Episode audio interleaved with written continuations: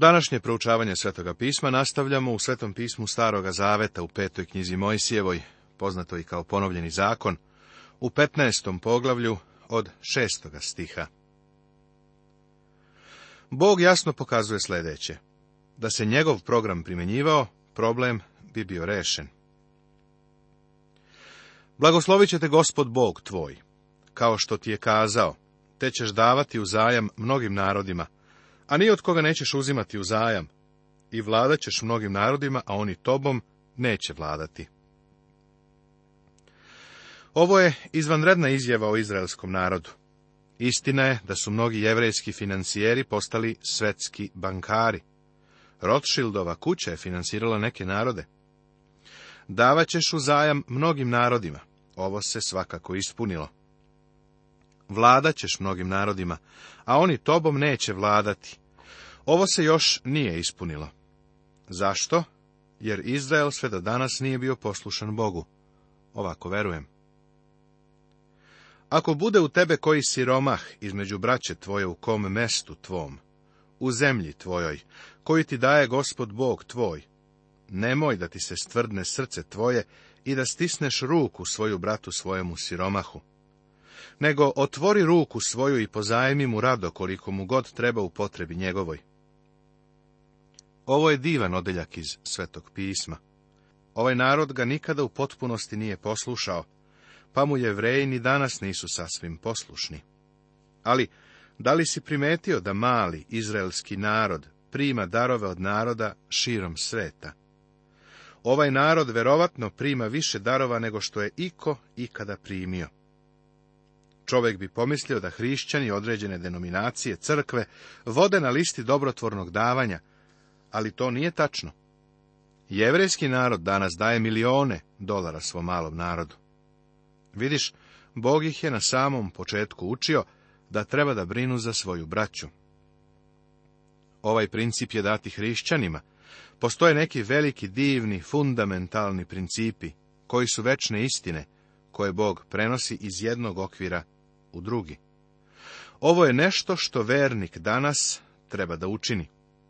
Ali kada dođe do toga da se pomogne našoj braći, ponašamo se kao da nismo ni u istoj ligi. Međutim, ne verujem da su se Izraelci čak i približili onome što je bila Božija namera za njih, kad im je dao ove savete. Čuvaj se da ne bude kakvo nevaljalstvo u srcu tvom, pa da rečeš, blizu je sedma godina, godina oprosna i da oko tvoje ne bude zlo prema bratu tvojemu siromahu, pa da mu ne daš, a on zato da vapije ka gospodu nate i bude ti greh. Bog ih upozorava da se ni na kakav način racionalizacijom ne oslobađaju svojih odgovornosti. Mogli bi reći da će sedme godine njihov brat i onako da bude oslobođen duga, pa zašto bi mu onda pomagali za godinu ili dve? Bog im govori da odmah idu i pruže pomoć siromašnom bratu. Podaj mu i neka ne žali srce tvoje kad mu daš, jer će za tu stvar blagosloviti tebe gospod Bog tvoj u svakom poslu tvom i u svemu za što se prihvatiš rukom svojom. Jer neće biti bez siromaha u zemlji, zato ti zapovedam i kažem, otvaraj ruku svoju bratu svojemu nevoljniku i siromahu svojemu u zemlji svojoj. Bog im je rekao da, ako mu budu poslušni, onda u zemlji neće biti siromaha. Ali pošto Bog poznaje ljudsko srce, on im kaže da će u njihovoj zemlji uvek biti siromašnih. Sećaš se da je gospod Isus rekao isto. Siromaštva će uvek biti radi ljudskog srca, Siromašne uvek imate sa sobom. Iskreno govoreći, mnogi ljudi su lenji, mnogi su nepokretni i bez inicijative. Sa druge strane, oni koji su sposobni, obično nisu spremni da pomognu siromašnima. Za ljudsko srce nije normalno da to čini. Za čoveka je nadprirodno da ono što ima podeli sa onima koji su manje srećni. Zato gospod zapoveda svom narodu. Otvaraj ruku svoju bratu svojemu, nevoljniku i siromahu svojemu u zemlji svojoj. Sedme godine robovi su oslobađani.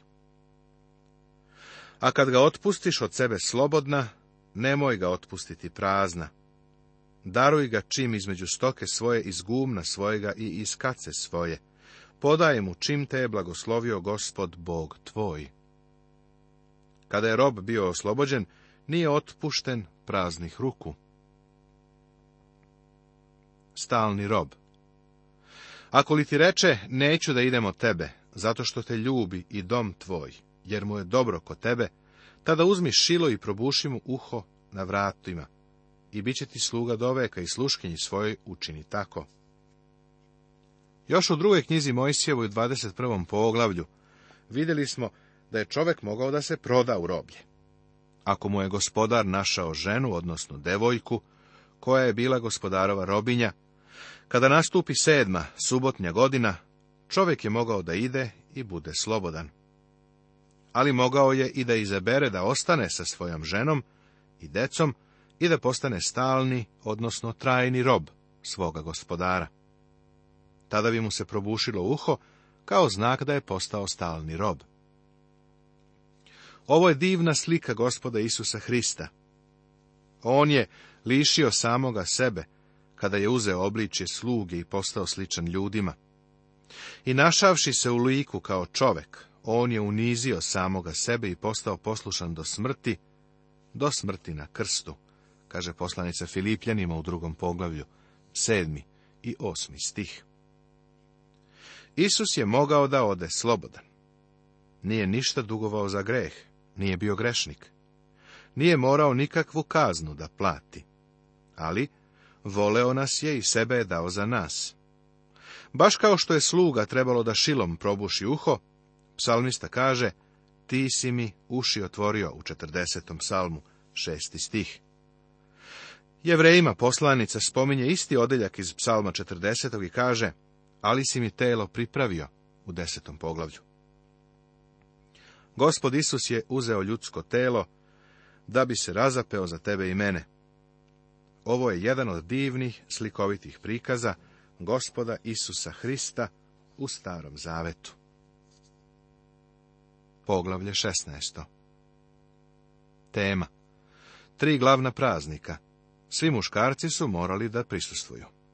Izraelu su data tri glavna praznika, na kojima su morali da prisustvuju svi muškarci praznici su Pasha, Pentekost ili Nedelje i Senice. Praznik Pashe Praznik Pashe je ustanovljen kao sećanje na oslobođenje Izraela iz Egipta i kao podsjećanje na to da ih je Jahve prihvatio kao svoj narod. Pasha je praznik koji je postavio temelj ovog naroda. Ovo je rođenje Izraela i uvođenje u novo zajedništvo sa Bogom. Drži mesec Aviv, te slavi pashu gospodu Bogu svojemu, jer meseca Aviva izveo te je gospod Bog tvoj iz misira noću. I zakolji pashu gospodu Bogu svojemu, od krupne i sitne stoke, na mestu koje izbere gospod da onde nastani ime svoje. Ako želiš da se podsjetiš pozadine paske, vrati se na drugu knjigu Mojsijevu na 12. poglavlje. Izraelci su bili robovi u Egiptu. Bog je izabrao Mojsija da izvede njegov narod iz Egipta i odvede u obećanu zemlju. Faraon je tvrdoglavo odbijao da ih pusti. Zato je Bog Faraonu pokazao svoju silu, tako što je na Egipat slao nevolju za nevoljom one kobne noći, kada je posljednja pošast poslata na narod, Izraelci su trebali da svoju veru pokažu time što će zaklati jagnje i njegovom krvlju premazati dovratke i gornji prag svojih domova. Kada bi video tu krv, anđeo smrti bi prošao pored takve kuće, pa su prvenci u tim kućama bivali pošteđeni smrti. Pošto su u svim kućama na kojima nije bilo krvi uključujući i Faraonov dom, pomrli svi prvenci, Faraon je pustio Izraelce. Bog je želeo da se njegov narod seća ovog čudesnog izbavljenja, pa je ustanovio godišnji praznik Pashe. Ne možeš klati pashe na svakom mestu svom koje ti da gospod Bog tvoj, nego na mestu koje izabere gospod Bog tvoj, da onde nastani ime svoje, Onde kolji pashu uveče o sunčanom zahodu, u isto vreme kad si pošao iz Misira. A peci je i jedina mestu koje izbere gospod Bog tvoj. I sutradan vrativši se, idi u svoje šatore. Šest dana jedi presne hlebove, a sedmi dan je praznik gospodnji, tada ne radi ništa. Ovo je bio praznik Pashe. Morao se slaviti na jednom mestu, u Jerusalimu. Svi muškarci iz Izraela su u to vreme morali ići u Jerusalim. Praznik Pentekosta Sedam nedelja na broj. Kad stane srp raditi po letini, onda počni brojiti sedam nedelja. Tada praznuj praznik nedelja gospodu Bogu svojemu. Što možeš, prinosi dragovoljno, kako te bude blagoslovio gospod Bog tvoj i veseli se pred gospodom Bogom svojim ti, i sin tvoj, i kći tvoja, i sluga tvoj, i sluškinja tvoja, i levit koji bude u mestu tvojem, i došljak i sirota udovica, što budu kod tebe, na mestu koje izbere gospod Bog tvoj, da onde nastani ime svoje. Obrati pažnju na to da su morali da broje sedam sedmica nakon pashe, a to je 49 dana. Zatim sljedeći dan je bila subota, 50. dan. Pošto je grčka reč za 50 pentekoste, ovaj praznik nedelja sedmice je poznati kao pentekost. Naziva se i praznikom žetve ili još danom prvina. Proslavljane su prvine ili rani plodovi i žetva. Praznik senica a praznik senica praznuj sedam dana, kad zbereš zgubna svojega i iz kace svoje. Ovo je bio još jedan radosni praznik. Trajao je sedam dana i morao se održavati na mestu koje je gospod izabrao, a to je bio Jerusalim. Tri puta u godini neka dođe svako muško pred gospoda Boga tvojega na mesto koje izbere, na praznik presnih hlebova, na praznik nedelja i na praznik senica, ali niko da ne dođe prazan pred gospoda. Nego svaki s darom od onoga što ima, prema blagoslovu gospoda Boga tvojega kojim te je darivao. Ovo su tri praznika koja su se slavila u Jerusalimu i kojima su morali prisustvovati svi muškarci. Tri puta godišnje putovali su u Jerusalim da bi prisustvovali praznicima. Bilo je to vreme radosti treba uvidjeti da su pred gospoda izlazili sa radošću. Sudije na kapijama Poglavlje se završava sa zapovestima o sudijama. Sudije i upravitelje postavi sebi po svim mestima koje ti da gospod Bog tvoj, po plemenima tvojim, i neka sude narodu pravo. U to vreme sudnica nije bila zgrada u centru grada, pa čak ni trg, Umjesto da bude u centru grada, bila je na njegovoj ivici, na kapiji u zidu koji je okruživao grad. Razlog za ovo je bio taj što su tim mestom svi prolazili, i oni koji su ulazili u grad, kao i oni koji su ga napuštali. Bilo je to mesto okupljanja, baš poput trgova u našim gradovima. Poznajući čovekovo srce, Bog upozorava na iskrivljavanje pravde, na gledanje ko je ko, kao i na primanje mita. Ne sadi luga ni od kakvih drveta kod oltara gospoda Boga svojega koji načiniš, i ne podiži nikakvoga lika, na to mrzi gospod Bog tvoj. Lug je bio povezan sa idolopoklonstvom i grešnim obožavanjem toga doba. Iz tog razloga Izraelci nisu smeli da sade lugove, u tim lugovima su bili oltari i likovi i idoli koji su pravljeni za neznabožačke i paganske bogove. Verovatno uviđaš da je ovo vrlo blisko slavljenju druida u Europi. Paganstvo ide u tom pravcu, a Bog svoj narod na to upozorava. Poglavlje 17. Tema smrtna kazna za idolopoklonstvo i neposlušnost autoritetu. Zakoni o carevima. U 17. i 18. poglavlju dolazimo do dela koji se bavi propisima i uredbama, koje će kontrolisati cara, sveštenika i prorok. Ovo su bile tri glavne službe u Izraelu, u teokratiji koju je Bog ustanovio za svoj narod. Bog je postavio pravila, za svaku od tih službi. Prinosi moraju biti bez mane. Ne prinosi gospodu Bogu svojemu ni vola, ni jagnjeta, ni jareta, na kom ima mana ili kako god zlo, jer je gadno pred gospodom Bogom tvojim. Bog je rekao da prvenac svakog stvorenja pripada njemu. Također je rekao da svi prinosi koji mu se donose moraju biti bez mane i mrštine.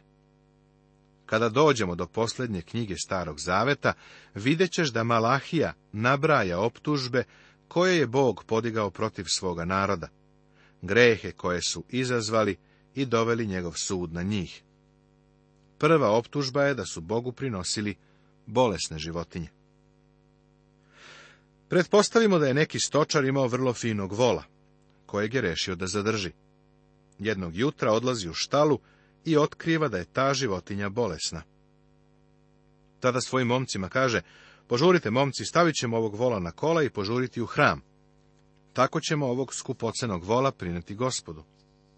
A komšije bi kazale, vidi, vidi, baš je ovaj gospodin darežljiv, zar ne? Prinosi Bogu tako skupog vola.